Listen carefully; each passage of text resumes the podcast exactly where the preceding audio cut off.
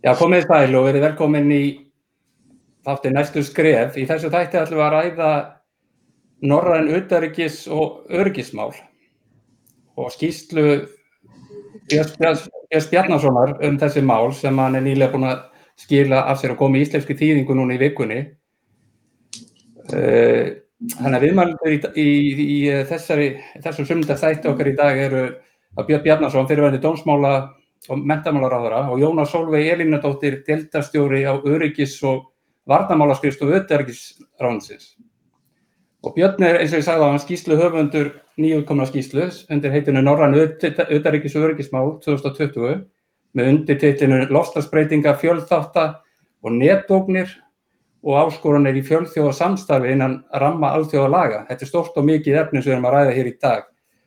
Og Jóna Solveig kom að þessu vinnu, vinnu með byrni og þetta er stóru mikið skýrslabjörn og ykkur er falið þetta verkefni þér sem skýrsluhöndi fyrir tæpa ári síðan af utarrikisráðara Íslands í það fyrir hönd norrænu utarrikisráðarana og það skrifa skýrslu um þessi mál og í, í suma, sama anda og, og Stoltenberg skýrslan og, og Stoltenberg afhendi í februar 2009 Uh, og þessi vinna sem við hefum unnið, hún tekur mið af, uh, af þessu varfnarsamstarfi sem var stopnað til þarna 2009, hinn og svo kallaða Nord-EFCO samstarfi. Og í skipunabrefinu þá kemur fram að uh, mælt fyrir um þrjú trjá áherslu punkta sérstaklega. Að fjalla um nattræna loftslagsbreytingar, að fjalla um fjölþótta ógnir og neturiki, að styrkja og bæta fjölþjóða samstarf innan ramma alþjóða laga kannski Björn, þú myndir byrja að segja okkur aðeins frá tilurðinu og, og skýslugerðinni. Maður sér þegar maður les skýsluna að þetta hefur verið mikið starf og þegar við haft 80 fundi við gerð skýslunar, vitt og breytt. Þannig að við myndum aðeins byrja á því að, að fara gegnum svona tilurðina og hvernig, hvernig þetta allt saman vannst. Já, það er rétt þakkaði fyrir að bjóða mér og okkur í þáttin til þess að fjalla þess að skýslu. Jónas Solveig hófum starfið í desember á síðasta ári og í janúar og februar og fram í mars að þá fórum við til allra höfuborga Norðurlandan og einni til Washington. Ég held að fyrsta ferðin okkar hafi verið, verið farið 13. janúar og lokaferðin var 5. mars og 5. mars var þannig komið í finska þinginu að við kvætumst ekki með handabandi heldur fórum út á flugvöld því að menn voru orðin svo hrættir við veiruna þá að það var hægt að takast í hendur og einnig á flugvellinum að það var augljóst að öll starfsemi var að lamast. Sem betur fyrir tókst okkur að heimsækja allar höfuborginnar og ræða við þá sem við vildum hitta. Og það er eins og þú segir millir 80 og 90 fundir. Þannig að þetta var mikil gagnasöfnun og ótrúlega fróðlegt að minnstofni fyrir mig að fara í þessa ferðir og fá tækifæri til að ræða við þetta fólk. Og það var greinilegt af öllum samtölunum að allir höfðu mikinn áhuga á að koma sínum sjónamöðum á framfæri. Og það er alveg ljóst að Stoltenberg skýslan frá 2009 hefur breytt andrúsloftinu í samskiptum Norrlandana og með ræða þessi mál á miklu opnari hátteldur en þeir gerðu áður. Það sem þeir voru áður fyrir, má segja næstu því framundi 2009 bannorð á vettvangi norrænarsamvinnu, menn vildi ekki ræða öryggis og varnamál, en það er alveg gjörbreytt uh, uh, afstæða núna. Og eftir að Stoltenberg skilaði skýslunni í februar 2009 að þá gengum við til þess verks í, á Norrlöndunum í november 2009 að stopna sameiginlega vettvangum Norræn varnamál, Nord-EFCO, að það má segja að okkar hlutverk hafi ekki verið að fjallum hefðbundi varnamál heldur að fjalla um þá þrjá megin þætti sem fyrir okkur var lagt að, að líta til, það er að segja lofslagsbreytinga, fjölþátt og ógna og netöryggismála og í þriðja lagi uh, fjölþjóðakerfisins í krafti alþjóðlaga. Þetta er það sem við lögðum upp með og við skrifuðum síðan skýsluna 31 blaðsíðu, kom út á íslensku núna á förstu daginn, kom út hjá okkur á einsku í júli Eh, síðastlinnum. Við höfðum halvt ár og við notuðum þann tíma og, og ljúkum lögum verkinu innan settra tímamarka. Mhm. Og síðan var fundur haldinn með ráðherranum 17. september. Þeir samþyktu tillöguna og tillögurnar og að vinnað skýslunni og síðan núna á fundir Norðurlandaráðs í oktober hér í Reykjavík eða fjarfundi eins og hann var við fórum til Borgundarhóls og hittum ráðherra þar en uh, það var fjarfundur hérna í Reykjavík á vegum Norðurlandaráðs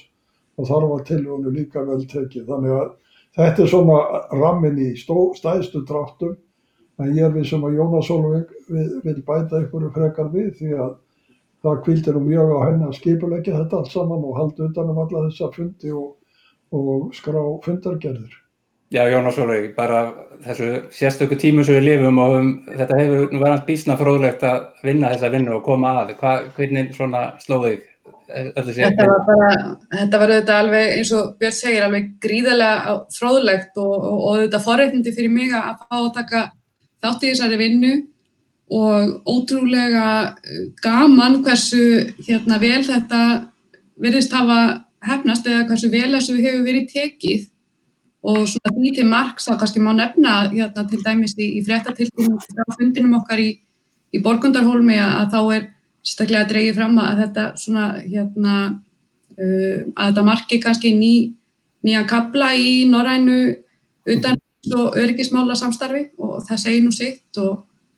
og það verður bara og það er nú þegar farið að vinna eftir þessum hérna, tillögum að einhverju marki, ég veit að fastanemndirnar í, í New York, Norrænu hafa greint tillögurnar og eru nú þegar farnar að vinna eftir þeim að einhverju marki og, og það er síðan vinna í gangi í öllum uh, eða sérst meðal allra utanryggisáðunættana að finna þessum tillögum uh, góðan farveg og, hérna, og, og að vinna að þeim og, og það er líka samhljómar um það að fylgja þeim vel eftir meðal ráðherrana að, hérna, að verði síðan, að þessu verði svona, að verði fylgst með hvernig, hvernig gangi að, að synda þeim tillögum sem að, sem að taka áfram í, í framkvæmt. Mm. Það eru vel flestar. Já, hérna, ég, mér langaði kannski svona helst í dag. Ég sjálfur er formar Íslandsselda NATO-þingsins og svo er henni komin inn sem varaformaður auðrækismálnendar og í öllu störfum þessi þrjú ár sem ég er búin að vera í NATO-þinginu þá sér maður hvernig uh, já, einhver leiti og mér er sagt að þeir sem hafa verið lengur en ég í því starfi hvað áherslum hafa verið mikið að koma fram núna í samt við þessa fjölþáta og, og, og hybrid warfare og, og slíka hluti þar er búin að vera gríðarlega áhersla á þau mál. Og ég sé að þeir skrifið þörlut um þessi mál og það sem að er, er að tala um þetta. Kannski Jónas Sólveig bara útskýra þess fyrir fólki hvað, hvernig skilgreinur fjölþáttar ógn í, í, í, svona, í svona spjalli eins og við erum að eiga hér á skiljanlegu máli þannig að, að reyna að fá þennan frammenna skilning þannig að áherslunar á þessi neturökismál, um, kaplana í sjónum,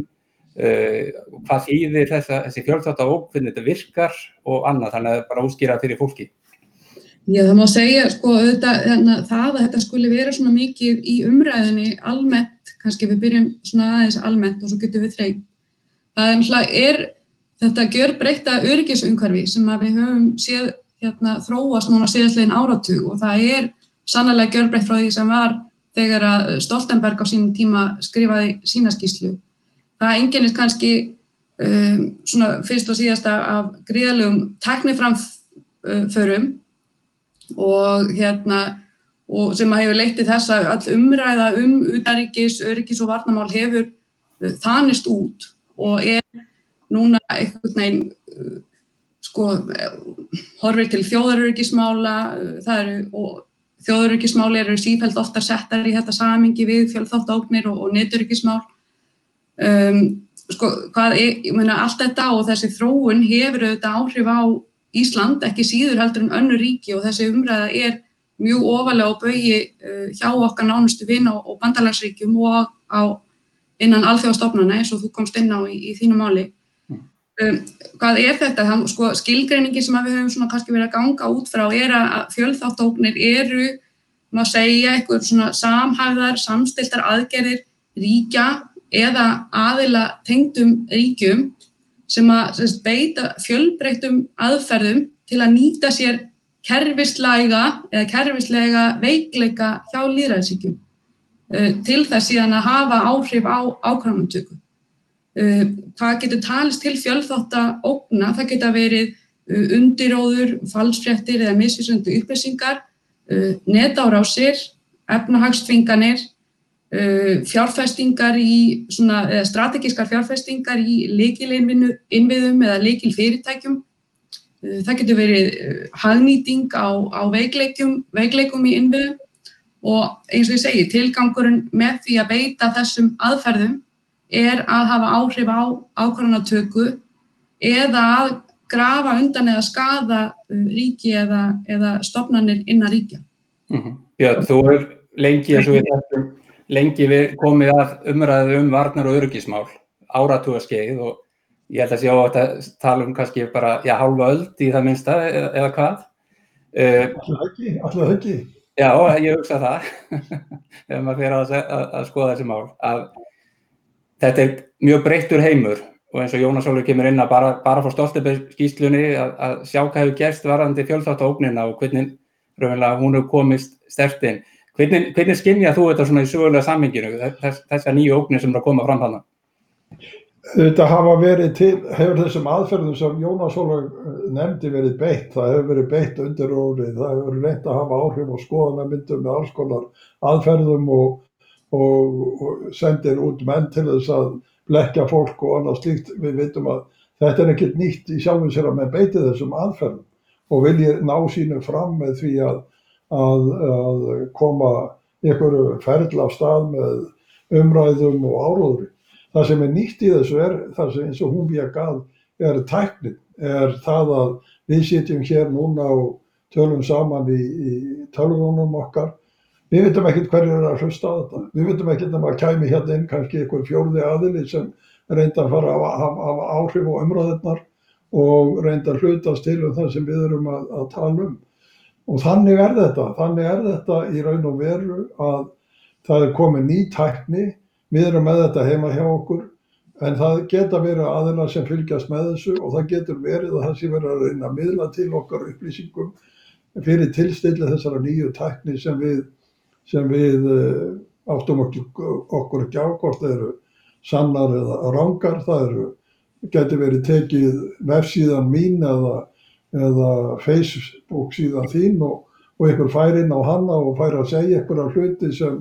Eh, maður held að væri þínu nafni en eru það alls ekki. Það er þessar aðferði sem við sitjum eh, frammi fyrir núna og þú notaður í, í þínum engangi þegar þú spurðir Jón og Solveigu þá notar orðið eh, net eða fjölþáttastríð og það er einmitt eitt hugtak sem við notum í okkar skýslu.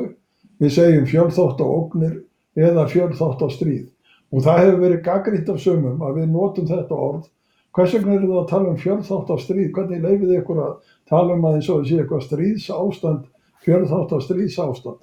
En svar mitt við því er það að með því að nota orðið og þá endur speklum við á það sem framkom í samtölum okkar í, í höfuborgum. Mm -hmm. þetta, er, þetta er stór breyting og þetta er alveg gífurlega mikilvæg breyting sem ég held að Íslandingar hafi ekki átt að sig nákvæmlega á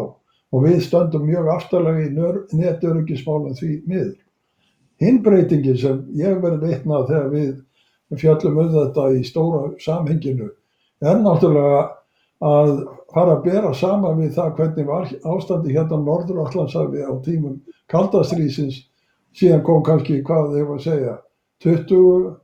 20 ára lagð eða hvað var þetta langur tími? 30 ár, nú er sagt að að Bandaríkja her og floti sé komin aftur inn á Barentshaf sem hann hafði síðast verið árið 1985 og það er farið að senda hérna flugmóðuskip, ég held að þú hefði nú farið um borði skipið Harry S. Truman þegar það var hérna fyrir Sunnaland og sildi síðan norðum með strönd Noregs í fyrsta sinn sem bandaríkjumenn sendu slíkt skip í, í 30 ára eða hvað það, var. Þannig að þessi breyting er, er líka að gerast núna sem við erum vitnað en það sem ég held að hafi komið okkur báðum og óvart þegar við vorum að ræða þetta í sérstaklega Svíþjóð og Finnlandi sem er líka nýmæli allt annað heldur en var áður sem ég kynntist áður að það er að þessar þjóðir og fórustum með þeirra vilja eiga mjög náin sams, samskipti við bandaríkjana. Áður fyrir voru, voru þjóðirnar hlutlausar undan hernaðabandala, þeir eru enn undan hernaðabandalaga, en þeir eru ekki hlutlausar, þeir hafa tekið afstöðu með NATO, þeir hafa gert tvíliða samlinga við bandaríkin og til dæmis núna bara meðan við sitjum hér að þá er æfing í Svíþjóð þar sem sérsveitamenn frá bandarísku sérsveitónum eru uh, að æfa og, og skapa tengsl við varalið svíja til þess að, að græðast við ef þeir eru ráðist inn, inn í Svíþjóð með einhverjum skyndilegum hætti. Þetta er algjörlega óhugsandi. Þetta var ekki inn í myndinni hér áður fyrr. Þannig að fyrir mig og eftir að hafa tekið þátt í svona viðræðum fyrir áratögum og koma svo núna að þá er þetta svona, má segja, ég er að sjá þetta aftur bara í allt öðru og nýju ljósi vegna þess hvað Norðurlöndin standa mikið saman og ég tel að þegar við Íslandingar skoðum okkar vartamál þá höfum við gætna litið á, á tvíliða samskipt við Bandaríkin og aðildana NATO sem grunn stóðir. Ég held að við verðum að bæta við þriðju stóðinni, eh, Norðurlandavítinni og Norræni vítinni og að, að þáttak okkar í að tryggja öryggi hér á okkar svæði er ekki vegna aðildar okkar að NATO eða vegna samskipta við bandaríkinn heldur. Fyrst og síðast held ég nú orðið til þess að, að tryggja öryggi okkur, okkar sem norrætnar þjóðar í sambinu við, við hinnar norrætnar þjóðirna. Þetta er, er alveg ný vitt í þessum umræðum sem mér finnst að það sé skilda okkar sem höfum kynst þessu á þann veg sem við gerðum að reyna að, að, að predika hér eigum og orða það svo að norranna vittin í öryggismálum Íslands skiptir gífurlega miklu máli, ekki síður heldur en NATO aðildin eða varnarsamlingur við bandaríkjum. Einmitt, einmitt. Jónas Ólu, um til vilja bæta eitthvað við þetta? Svona, hvernig líst þér á þetta samstarfi í Norðurlanda þjóðunar? Hvernig heldur þetta muni taka, tekur myndi að taka stakka skiptum á næsta árum? Sko, ég hugsa að það sé mikill og e, það er mín skinnjun sérstaklega eftir okkar ferðarlag og, og, hérna, og bara af upptökunum að dæma að það er uh, breyður og svona mikill vilji til þess að þróa samstarfið uh, áfram á sviði utaríkis og, og öryggismála og, hérna, og byggja á því sem að hefur verið gert.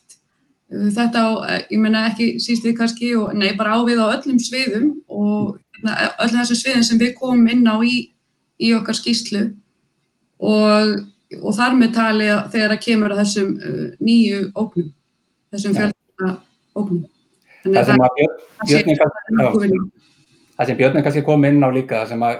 maður tekur eftir þegar maður fyrir að vinna í, eins og í NATO-tinginu og, og þetta er mikið starf og, og mikið vinna sem fer þar fram.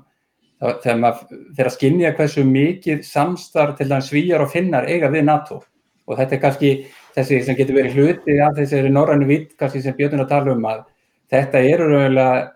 svona eiginlega það er tætt prófið sem vinna þjættast með inn í NATO-þinginu með þinginu sem að, sem, og, og við þekkjum þessar æfingar sem að er verið að stunda, stunda mjög mikið æfingar saman finna svíjar og normenn eins og með úrústutóttur og héræfingar og menn skimja þetta og, og, og síðan Eistrasalsríkin koma líka þjætt inn í þetta.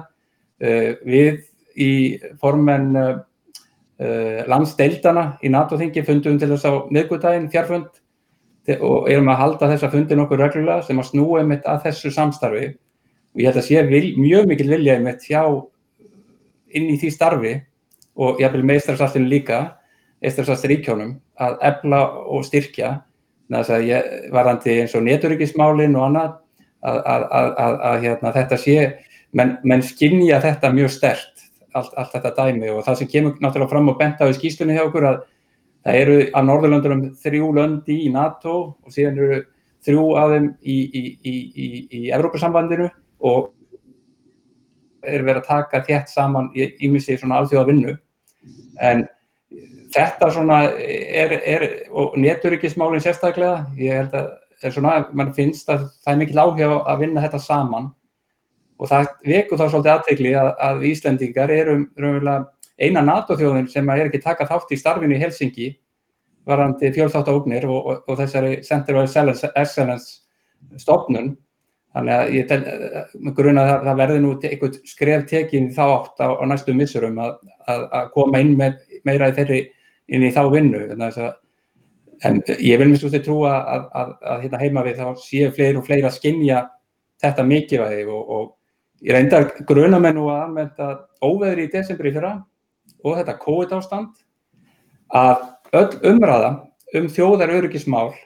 held ég að sé að koma svolítið meira upp heldur núna en veri kannski upp í umræðinu með að við kunnum svo umræðu verið hér um í þó nokkur ár. Hvað finnst ykkur?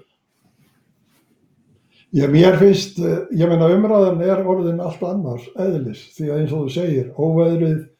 COVID og allt þetta hefur breytt viðhorfinu en það hefur líka leitt aðteglina því hvaða þættir það eru sem skipt okkur máli ef við hugsaum um okkar þjóðarörgi. Það er að halda ákveðnum Uh, ákveðnum þáttum gangandi í samfélaginu og ef okkur tekst ekki að gera það þá verður hér mikil vá fyrir dyrum og þessir þættir, hvað eru skilun á milli borgaralegs öryggis og hernaðalegs öryggis þetta er, við höfum kjarnar litið þannig á að hernaðalegt öryggis sé eitthvað sem við þurfum ekki að, að skipta okkur að, það sé annara manna mál en skilin þannig á milli eru raunverulega horfin og ábyrðin sem hefur flust yfir á okkur sjálf er miklu meira en áður til að tryggja öryggi okkar. Þannig að ég held að þetta sé þáttur sem við þurfum að huga að og ræða á nýjum grunni. En ég vil líka nefna eitt í þessu sambandi, svona í þessari heildarmynd og það eru breytingarnar sem er að verða á Grænlandi og í Færu. Mm. Það var núni í vikunni, fór uh, við hittum þann mann, Mikael, uh, ég mann á aldrei eftirnafnið hans, hann er yfirmaður uh, Evrópudeildar bandaríska utanrikisráðnitsins. Hann er uh, sá maður sem fer með NATO-málefni og er, er einna aðsti ennbættismadurinn sem ekki er pólitískur ennbættismadur í utanrikisráðnitsinu bandaríska sem fer með málefni á Norður-Allandsafi og NATO. Hann var í Færegjum á 50 daginn var og það var skrifað þar undir yfirlýsingu og hann var þar með bandaríska sendeherranum, hann talaði við, við utanrikisráð þeirra Færeia og, og þeir skrifuð undir yfirlýsingu og það var engin danskur embættismadur þar á þeim fundi. Og fyrir skömmu var hér og þar í Færeium bandarískur flótafóringi yfirmaður uh, Allarsós, nei yfirmaður flóta, já aðst yfirmaður flóta í innan Allarsósbandalagsins með aðsetur í Napoli og Ítalíu. Hann kom hingað og hann var í Færeium og hann fór til Grænlands eða rætti við grænlendinga og hans erindi var að aðtóa hvort hann geti fengið hafnaraðstöðu fyrir einhver skip hér,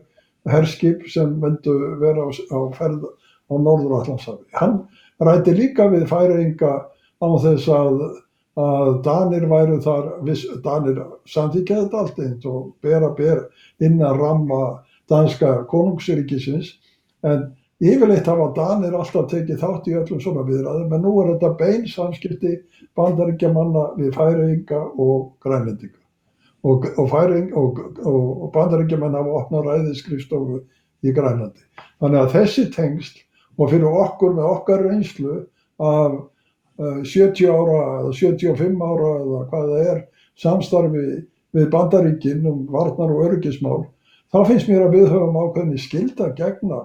sem reynslu mikil þjóð til þess að, að miðla þekkingu og þessari reynslu til nágrann okkar í Færögum og Grænlandi hvernig að, að takast á við viðfangsefna þessu sviði. Þannig að Ísland á þessu leiti hefur pólitískur hlutverki að gegna í, norrannu samstarfi en það hefur sérstaklega pólitískur hlutverki líka að gegna í vestnorrannu samstarfi sem reynslu mikil þjóð af af nánum samskiptum við bandaríkja hér og bandarísk stjórnvöldum varnar og örgismál og þetta snertir líka það sem er að gerast í norðun Noregi og því að normenn eru með nýja og annars skora stefnu um uh, samskiptum við bandaríkja núna heldur en voru á tíma kaldastriðsins. Þannig að ég held að fyrir þig sem þingmann innan, innan NATO samstarfsins, fyrir íslenska þingmenn í vest-norræna samstarfinu, að þá sé það mikil svirði að beita sér fyrir umræðum um þessi, þennan þátt öryggismálana til þess að, að, að skapa, ef ég má orða það svo, pólitíst öryggi hjá þjóðunum í okkar næsta nákvæmni sem er að fjeta sig inn á nýjar slóður í þessu öfni. Já, Jónas Ólfur, viltu bæta eitthvað við hvað, hvað er að gerast í þessu að varnamálskristofunni, svona bara út frá ráðnendinu? Í ykkar vinnu, ég er nú að tala þeim sem ennbættismann, það er að segja. ég veit að þetta er viðkvæmt.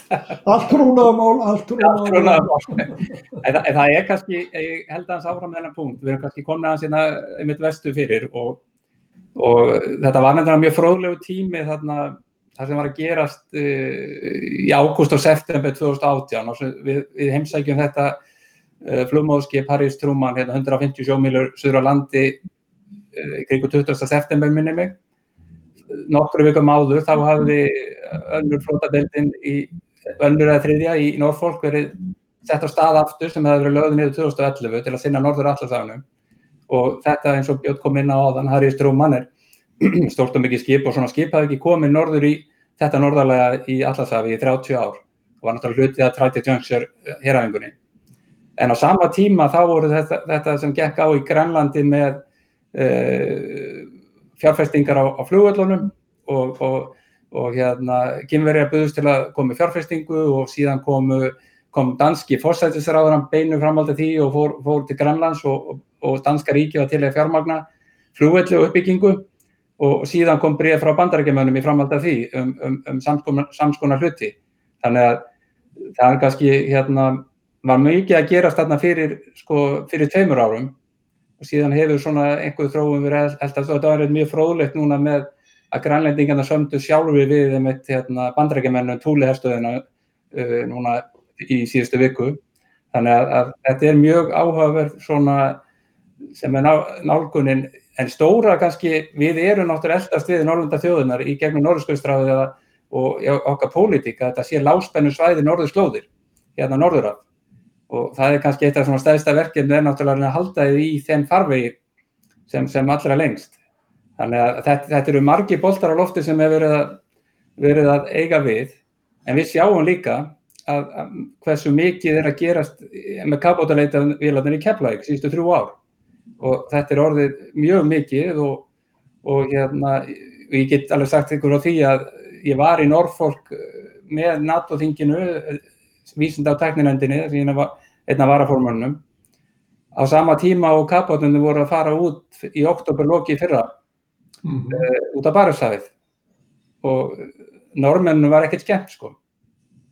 af þeim tímapunkti þegar fóru þarna út tíu kapotar og átta kjarnugukapótar og er mikil aksjón í Norður Allarsafi. Þetta er einhvern svona, þannig að það gengur á ýmsu en ég held að markmiðið hjá öllum sé en þá að við höldum, þetta sé þetta láspennu svæði sem, að, sem allir eru að vinna með og, og, og reyna, reyna að hérna, ná þessu svona í einhvern góðan farfi en það gengur á ýmsu. Það, það, það er ljóst í, í, í, í geopolítikinni eins og þeir komið nú inn á einmitt í skýslunni varandi Norðurslóðir og, og Rúsland og Kína og allt sem gengur á að, að, að þetta, þetta er mikil og stór umræða sem við verðum náttúrulega svolítið vör við hérna í ýmsu og svo verður maður náttúrulega var við þetta í, í, í hérna, eins og í NATO-hinginni NATO sem er nú bara svo ég segja þetta er náttúrulega með því fróðulegra starfi sem maður sinnir í þessi tingmaður það sem maður verður áskinnið þar og, og það sem maður er að læra í svona stóra samvengi hlutana í gegnum það starf. Það er, þetta, er, þetta er mjög áhugavert hérna sem að, sem að kemur þar. En við ættum kannski að fara aðeins inn í hérna, sko, nú heitir þessi þáttu næstu skref og, og ég, ég spyr alltaf, og hver eru næstu skref? Hvert eru að stefna í þessu og hvernig sjáu þið, sjáu þetta fyrir okkur? Núna uh, var NATO til dæmis með uh, stóra fund fyrir ungu kynnslóðuna, voru að kynna NATO í fjárfundi að mánudagin var, NATO til 2030 var umræðan. Hvernig sjáu þið þetta fyrir ykkur að næstu árum, næstu tíu árin þróast? Þetta bæði starfið innan Norðurlandana í þessu norðarnu samvinnu og síðan aftur í stóra saminginu með NATO sem að hérna er ótrúlegt magna það er, þetta er 30 löndan undir í dag,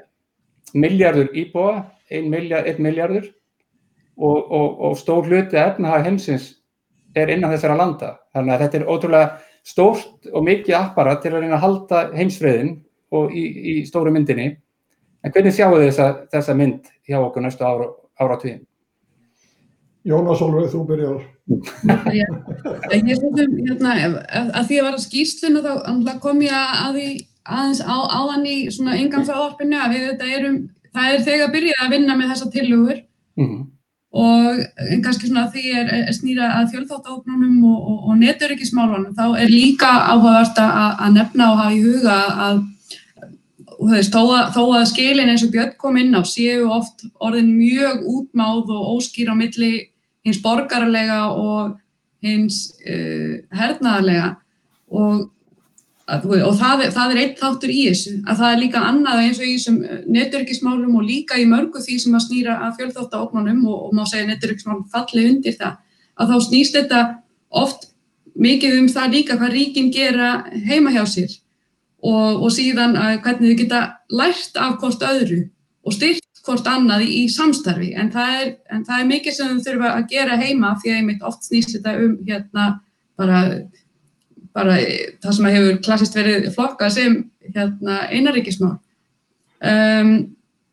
en ég veit, ég, meni, ég get sagt frá því allavega eins og, eins og hjá okkur og, og innan utaríkisandsins þá eru við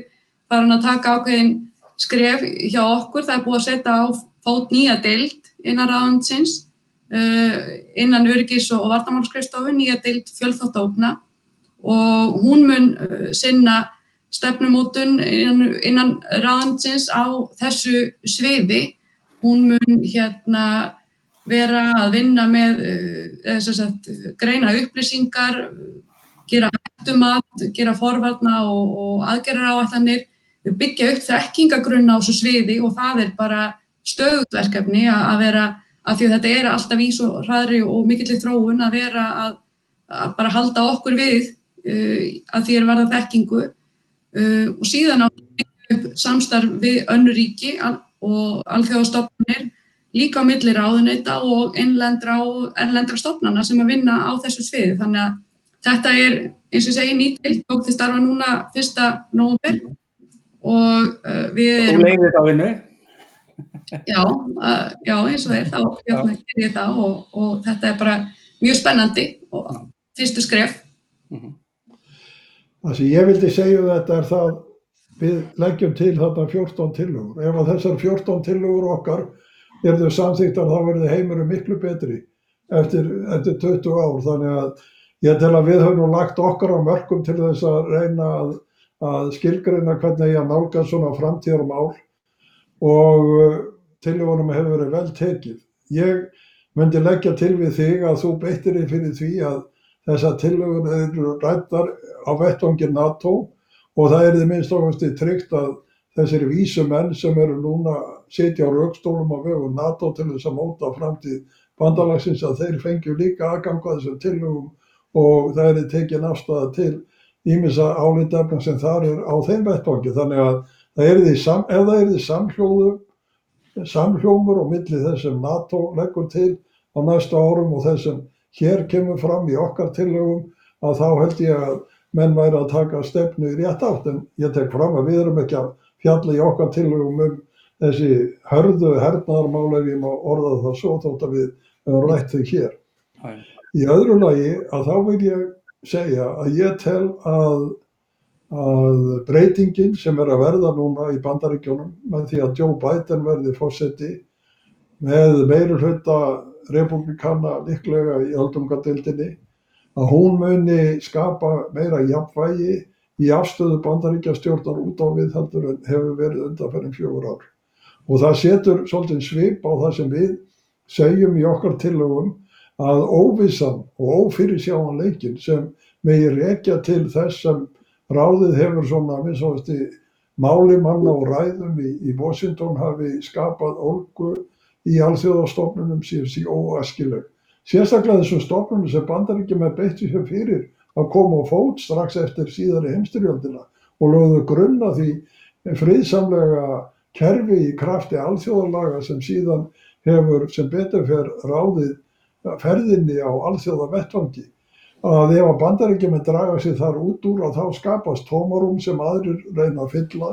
og við teljum að það sé mjög æskilegt. Það ég tel að það sé mjög æskilegt og þess vegna fagna ég því að bandaríkjamenn alltaf aftur að verða virkir í þessum alþjóðastofnunum og það muni skapa ný tækifæri fyrir Norrlöndin sem eru með stefnu sem fellur vel að því að leysa mál í krafti alþjóðalaga á fjölþjóðlegan hátt. Og NATO er þannig stofnun líka 30 ríki, það eru, hlýtur að vera það líka vettvangur málamillana og ef að bandaríkjamenn draga sér þar út og eru með óvildi garð annara, þá skapar það bara vandræði og ófyrir sjáleika. Ég tel að þessar breytingar sem verða núna í Washington í byrjun næsta árs að það er stöðlað því að við getum betur séð fyrir hvernig þróunum verður í framtíðinni heldur en, heldur en við höfum getað undanfarið ár.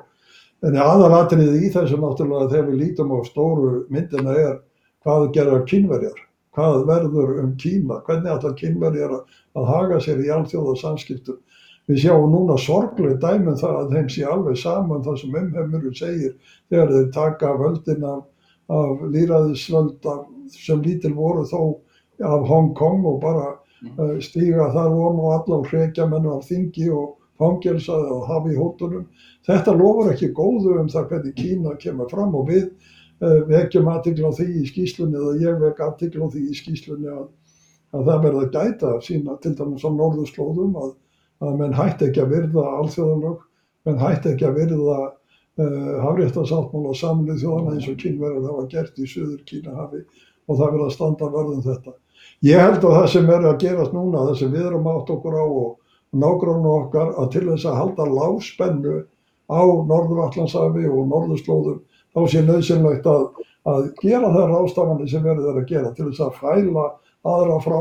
því að koma þar inn með, með ofriki og, og, og lágspennan felist í því að, að það skapist eitthvað jafnvægi á þess að með sé augra hver öðru. Mm -hmm. Ég var nefnitt búin að hugsa þetta Björn með sko þið er búin að vera að lesa yfir skýsluna núna á íslensku, svona uppröðum frá því sumar að maður að lesa hérna þá og ég vil nú rósa ykkur mjög fyrir skýsluna og, og, og þetta er mjög gagnóst og, og lýsandi í stuttu máli á teki á gríðarlega stórum og miklu málum með mjög á, gagnóðum hætti að, að það, það er framsætningin er góð og hérna það er auðveld, það eru mjög skýrar tilhauðunar og ég var einmitt að veltaði bara fyrir mér í gæði sko um eitthvað við getum unnætti gegnum NATO-þingi og raunlega með landsteildum hinn á Norðurlandana í öllu því starfi sem þar er. Þar er að taka veintalega við núna, nú byrjar ársfundur NATO-þingsins og hann er á verður eins og aðri fundir á fjarfundum í sex daga, núna frá með minnum mig. Sex daga? Við, verðum, við verðum á fjarfundum við, sem erum í landsteildinni hérna í sex daga, í, það er búið að setja þetta Verðinlega er þetta fjóri dagar og ég fundaði tíu tíma dag en, en nú er búin að setja fjárfundin á í sex daga frá, frá held í þriðudegi minni og fram á mánundagin næstu viku. Þannig að, og þar væntalega verður kosin uh, fórseti nýr, uh, fórseti þingsins og mér sýnist að verði bandarækjamaður demokrati frá Virginíu sem að, hérna, hefur um eitt skrifa skýslur um norðurslóðir í, í, inn í NATO-þinginu, verið skýslu höfundur að því. Og uh, það er einur þar með republik, republikana og demokrata um það kjör mm -hmm. og, og styðja við hann. Þannig að mér sýnist sko uh, það er, ég get bent á það sem bandarækjumur hafa tekið þetta alvarlega á feb februarfundum í Brussel síðustu tvö ár og ja, í februar núna og, og svo fyrir ári að þar kom Nancy Pelosi með 50 bandaríska þingmenn með sér öryggisráðstefnuna í Munhjörn eða Munich, eða München já, og síðan komum við til Brussel og hitt okkur þar. Þannig að einmer, það er mikil alvara með þingmanna, bandaríska þingmanna um þetta og það hefði aldrei verið svona stór uh, bandarískur hópur sem hefði komið á þessa fundi hjá NATO-þinginu. Þannig að, þannig að ég held að það sé mikil einhugur þar að vinna vel í þessum, í, í þessum málum og, og hérna og mér finnst þetta reyndar eins og þeirra benda á í nýjorkuna og orkumálum, græna, græna orku að Norðurlandi geti verið svolítið leiðandi með jarvarmann, vassaflið og, og nýja orkugjafa. Og þau tala um Nordic brand og ímislegt í þessari skýslu að, að, að þetta geti verið einn vittin í því að, að koma frá þessum hugmyndum fram í, inn í NATO-þinginu, inn í pólitíska umræðu þar sem að Norðurlandi geta raunverulega Þess að ég er sammálega um að það er mjög litið til Norðurlandana, almennt finnst mér í, í þessu alþjóðastarfi sem er svo sem ég tekið þátt í að við um þingsins hinga til. Þannig að, að hérna, það, það er mjög áhugavert. Ég ætla aðeins bara að bæta við þess, þetta því að það er ekki sagt, það verður kannski í stundum í svona skýslum að lesa svolítið á milli línuna. Það verður aðeins að átta sig á því hvaða, hvaða andi, ef ég má orða það svo, svífur þannig yfir vötnum. Það sem svífur yfir vötnunum þegar þú lest alla skýsluna er annars vegar, við erum í þessu ástandi, það er ákveðin, það eru tækifæri, við hefum tækifæri en við þurfum að vara okkur á ýmsu þáttum. En að lokum að þá er tekin afstafa sem er með sjónamiðum NATO-ríkjana, með sjónamiðum sem NATO-ríkin hafa mótað og ekki á móti neinu, það er hverki neinstæðar í þessari skýslu vikið einu orði af því sem er hægt að leggja upp sem einhverja anstöðu við þá megin stefnu sem Vesturland fylgja um, um þessar myndir. Mm -hmm. Og að, að, að svíjar og finnar séu jafnvel eins og þú segir, lýsir hvernig þeir starfa með ykkur og þeir, þeir eru jafnvel áhuga samari, þeir, þeir átta sig á því núna þegar þeir fara að kynna sér þetta sem við kannski vitum af áratugar einslu, þeir átta sig á því hvað þetta eh, samstarf NATO-ríkjana er mikilvægt pólitíst og hernaðlega og öllum sviðum. Og þess vegna eru þeir áhuga samar um að knýja á um að menn standi við það sem þeir hafa sagt og, og vilja gera. Þannig að ég held að fyrir NATO-þingmenn uh, Norðurlund, frá Norðurlundum og alla í Norður-Evrópu að þá sé þessi skýsla gott innlegg í svona umræður um, um þá það er hægt að vitna til hennar og það hægt að segja við menn, já þetta er skýsla sem norrænu auðverkisræður þetta var líka fallist á, þetta er sammeilvægt pólitíst viðþórn Norðurlandana í þessum málum, það er ekki lítið svirði að hafa það í handónum á, á þessum fundum og líka þá gagvar bandaríkjumannum því að við komumst ekki, við ætlum að fara til Brussel, við ætlum að fara til London, við ætlum kannski að fara til fleiri staði vegna veirunar og þá verðum við að hætta þessum ferðalögum og fjarfundir við menn um þessi mál og þeim stíð eins og við vorum að hefðu, hefðu ekki komið til greina. En við komumst til Washington og það, en, það er engin evi, við fórum í, í varnamálaráðundi, auðarkisráðundi, þingið og það er engin evi í mínum huga að einlegur vilji allra þessara aðila er að eiga gott og náðu samstarfið við Norðurlöndin. Og þeir líta á Norðurlöndin, þeir líta á þeir Nordic brand, norðurna vörumerki sem ákveðin gæðastimpil og ef að þeir geti fengið eitthvað, eitthvað að þeim gæðum yfir á sig að þá tellir þeir að sé til hagspóta. Mm -hmm. Já, já, ég, ég bara, þetta, þetta eru fínir punktar og ég held að hérna, með, skoða framhaldi varandi hvernig maður getur komið þess að framfæri inn í starfinu hjá NATO-þinginu og, og ég, það er mjög áhugavert, þetta er líka mjög stórt málið þetta hérna heima, umræðinu um 5G og þeir, þeir komið að sinna á það í, í skýslunni og reynda að tala líka um 6G og, og þessi framtíðasín og Við erum að ræða fjárskipta lögin í vetur í þinginu og, og, og þetta, þetta ísa mál sem að, og maður verður náttúrulega mjög skyn, áskynja með þetta mál inn í NATO-þinginu og umræða þar síðustu 2-3 árin sérstaklega. Uh, og við minnir að í, í, í fjárskipta, í greinagerðinni með fjárskipta lögunum sem liggja fyrir þinginu hafi verið talað um að þetta sé raunlega 5G, að þetta sé raunlega miðtöðkerfið og sko, bara í fjórðu yfirbyltingunni raunlega sem við erum að fara á stað inn í og, og svo er maður mjög áskinni að vitt og breytt á meðal Norðurlandatjóðana og náttúrulega í NATO-þinginu um stærð þess máls og mikilvægi. Þegar að við erum að færa í loftir það sem við þekkjum núna í ljóstöðurum og, og með gagnarhraða og annað að, að, að hér séum gríðarlega stórt og, og mikilvægt mál sem að hérna, kannski viðkamara fyrir Jónusólfi að fara mjög djúft í, í, í þetta. En Björn, hefur þú eitthvað svona og auðvitað má Jónas Olvið koma með sitt komment um þetta en, en, en, hérna, Jón, en Björn, hvað finnst þér um þessa stöðu sem er komin upp varðandi 5G eh, og síðan framtíðina 6G og þessi fjarskipti og þetta með umræðu miðtöðakerfi, fjóruð innbyltingarinnar og, og allt sem er að fara að gerast á næstu örfárum árum? Ég tel að við hefum að fara mjög varlega, ég tel að við hefum að skipa okkur í flokk með Norðurlöndunum og NATO-ríkjunum í þessu efni og ekki að gera neinar taka neinar ákvarðanir eða gera ráðstafanir hér sem eru þess eðlis að við e, sköpum okkur einhverja sérstöð á þessu sviði því að það mun bitna okkur í mörgu tilliti og, og er okkur ekki til neinskaks og algjörlega uh, fráleitt finnst mér að taka ykkur áhættu á þessu tæknisviði í því efni og ég tel hins vegar að við erum illa settir hér vegna þess að við höfum ekki, sérðu hvað gerðist í Svíþjótt. Þeir settur lög í ársbyrjun og margir tólkuð og einhverjir menn hafa tólkað að þannig lögi voru sett til þess að auðvelda þeim að, að eiga samskipti við Huawei um, um, um, um þetta. En hvað gerist? Og kom okkur ekki óvart sem höfðum verið í Svíþjóð. Það gerist auðvitað herrin og öryggislauruglan að þau leggja svo hart að, að post- og fjarskiptastofnum Svíþjóðar að hún verða að gæta öryggi sænsku þjóðarinnar og þess vegna ekki aðeins að stöðva Huawei í Svíþjóð heldur einnig að krefjast þess að allt það sem Huawei hafi gert fyrir 4G verði reynsað út úr kerfinu ef ég skilða rétt. Um það er að vísu deilkortur hafi haft lögheimildi til þess en þeir gengur miklu lengra heldur en menn höfðu kannski búist við því að heimta að þeir eru reynsað út. Og það eru sambæri lög í, í Finnlandi og niðurstaðan verður öruglega svo sama þar að þar munu herinn og, og, og, og öryggislauruglan leggja til þið skulu gæta ykkar ef þið ætlið að gæta þjóðaröryggis á þessu sviði þá skulu þið ekki fara út á þessar bröðir. Og við, við sjáum hvað það er að gerast í, í Breitlandi, við sjáum hvernig frakkar tala um þetta þjóðverjar og, danir og við þurfum ekkert að fara og finna upp hjólið í þessu og segja að post- og fjarskiptastofnun hér á landi segja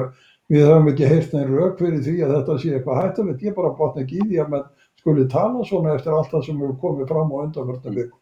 Ætlum við bara um, binda fyrir augun og láta eins og við þurfum ekki aðeins að vita og, og, og setja eitthvað fyrir hlustinnar þannig að við þurfum ekki að hlusta á þetta.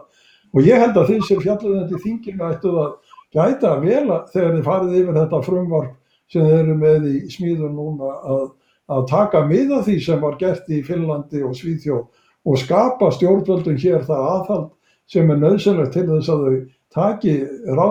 gerir rástafunar á þessu sviði sem séu í samræðum við öryggið. Vandinn er sá okkur vantar hér stofnarnir sem hafa þá þekkingu sem þessar stofnarnir í Svíþjóð og Finnlandi hafa eða í Danmörku. Það er, það er galdurinn. Hvernig ættum við að fá þá ráðgjöf sem þarf? Post- og fjarskiptastofnun ekki frekar hér heldur en í Svíþjóð hefur ekki aðgang að þessum upplýsingum. Þær koma úr öðrum áttum og menn geta svo sem sagt, ef þeir hafa ekki upplýsingarnar þá geta þeir sagt, já við vitum ekki um þetta en þeir geta þá lesið með stótt það sem byrtist í öðrum blöð, blöðum í annara, manna, í, annara þjóða og, og átt að sjá því hvað það er sagt. Þeir eru ekki annað en að fletta bara upp í dagblöðum til að sjá hvernig þetta er hvað þá heldur fagtímaritum eða sérfræðiritum. Í helga blöðunum akkurat núna er verið að auglýsa eftir manni hjá Post og Fjár sem á að sjá um þessi mál, deildarstjóra um, um, um neturökismálið, sé ég bara auglýst núna í dag eða í kær. Og hvaða kröfur eru gerður? Síða, síðasta fundi sem var, var Erlendis í þá um miðjan 20. eða 21. februar, þá stýrði ég mitt á loka degi í, í, á februarfundurum í Brussel uh, netöryggisæfingu eða raunverulega uh, svona hermi sem kom fyrirtæki frá, uh, Eistra, frá Íslandi eða Tallinn sem að þeir eru mjög færi líka þessu og voru að sína þetta fyrir okkur 30-40 þingmannum sem sagt netárás á land sem var að eiga í Norður Allarshafi og mjög fróðlegt og, og, og ég haf mikinn áhuga síðan að, að, að reyna að, að þessi, þessi reynilega hermir, hermiæfing að hún kæmi hingað heim og, og þjóðaraukisráði og væri að held ég aðskild fyrir þingmenn aðra að sjá raunverulega svona slíka æfingu hvað er verið að eiga við og, fást við. Þannig að það var á síðasta degi þegar maður var í útlöndum hérna í februar það var rétt, þegar þið voru að þeysast um Norrlöndin og höfuborginnar og, og bandaríkin rétt áður en öllu lokað að það fór þessi æfing fram. Og þetta er mjög áhugavert að bara að fólk þá sjá þetta hvernig það fer fram og, og, og hvernig hlutirnir eiga sér stað. Þannig að vonandi tekst að, að fá meiri þekkingun í landið inn í pólitíkina og, og þeir sem sinna þessu málu en þess að ég veit alveg að, að okkar ímins fyrirtæki, hvort sem það flutningskerur raforku, bankar eða aðrir hafa náttúrulega mikið verið að velta þessu líka fyrir sér þess, þessum, hérna, þessu stórum hérna, málum En það er að nóg að taka og við getum haldið áfram mjög lengi í þessari umræðu, það, það er ljóst, er, og, en ég bara enn og aftur þakka kærlega og óska ykkur til hamingi með skýsluna. Uh, Jóna Solveig, eitthvað að lokum svona inn í málinn og, og, og þið ætlir bara að halda áfram að, kynna og vinna í þeim punktum og, sem að meðal tengja skýslunni í framhaldinu. Hvað, eitthvað að lokum? Já, kannski bara hérna þessi síðasta umræða, hún er einmitt svona aftur bara til marg sem það hérna uh, bara hvernig hvernig þessi skil á milli hérna svona þetta borgarlega og, og, og, heims er alltaf að verða óskýrari og hvað við þurfum að, ná um, vel og heildrænt utanum þetta og, og það er hérna auðvitað eitthvað sem að við í mínu ræðandi tökum mjög alvarlega og erum að, að vinna að. Þannig að það eru bara, það eru mörg, það eru hérna, að mörg að vinna eins og þú segir og, og, og við munum halda áfram. Takk. Björn, eitthvað að loka orð? Þakka þér kærlega fyrir. Ég, þetta, þessi tækni hérna er svo fullkomin að nú er einn maður sem er að horfa á þáttinn búinn að setja inn auglýsinguna sem Post og Fjár eh, hefur sett eh, í blöðu núna og hún myndist á og þar sér maður að, að eh, jú, það eru gerða ákveðna hæfniskröfur en ég held að við áttum okkur ekki á því hvaða hæfniskröfur þarf að hafa í þessu og hvaða þekkingum við þurfum að hafa til þess að átt að sjá þessu og það er mjög ánægilegt að það væri hægt að fá þetta hermilíkan sem þú ert að tala um og setja það upp hér eitthvað og menn fengi að, að, að kynnast þessu. En ég vil nú bara í lokin þakka þig kærlega fyrir njáln tröstið að þú skulir efna til þess að fundar með okkur, að við fáum tækifæri til þess að, að ræða þessi mál því að, og ég skora á þig sem eh, þingmann og áhuga mann um þessi mál og NATO-þingmann til þess að halda þessum umræðum opnum því að það vantar fyrst og síðast að ræða þessi mál meira og ræða þau þannig að menn haldi sér á jörðinni og líta það sem er að gerast í staðin fyrir að tala um þau á tilfinningarlegum forsendum þótt og það er auðvitað erind í þetta eins og annað. En þetta er fyrst og fremst eh, mál sem þarf að, að meta út frá bara umhverf okkar ekki síður heldur en lofslagsmál eða hvaða mál önnur. Við þurfum að átt okkur á því hvar við erum stödd á þessu svið og gera þær ástafanir sem við getum til þess að viðhalda eh, þeim uh, uh, lífskjörum og, og, og því frelsi og því, því uh, svigrumi sem við höfum til, sem sjálfstað þjóð til að taka ákvarðanir með hliðsjóna þessari þróun og ég þakka þér kærlega fyrir það og býður mér og okkur til þess að samtals um þetta og vonandi verður það hvati til þess að fleiri taki til máls og láti skoðanum sína í ljós. Þakka þér fyrir. Bara ég vil Ég tek undir það, kæra þakki fyrir bóðið og, og gaman að vera með ykkur einn dag. ég hérna bara frábært að fá ykkur og, og gott að ég myndi að halda upp umræðum þessi mál og við þurfum einmitt, ég hef lagt eh, einn af því starfsókun sem ég unni í NATO-tinginu undanfærin ár. Hefur snúist um það að kynna raunlega öryggismál og, og þá sérstaklega í NATO-tinginu fyrir uh, almenningi viðkomandi löndum. En það sem hefur gerst á undanfærinum árum að þekking uh, almennings í, í, innan NATO-þjóðana hefur farið með minkandi sérstaklega í vesturluta Evrópu og Ameríku, það er Kanada og Bandarækjunum. Eh, hún er mjög mikil og almenn þekking í austurluta Evrópu Mm á starfsemi NATO, en það er hlutið kannski að þessari umræði sem við halda uppi og við höfum verið að taka í starfsópi. Hvernig við förum að raunlega halda uppi betri og öflur umræði um mikilvægi þessara mála. Þess að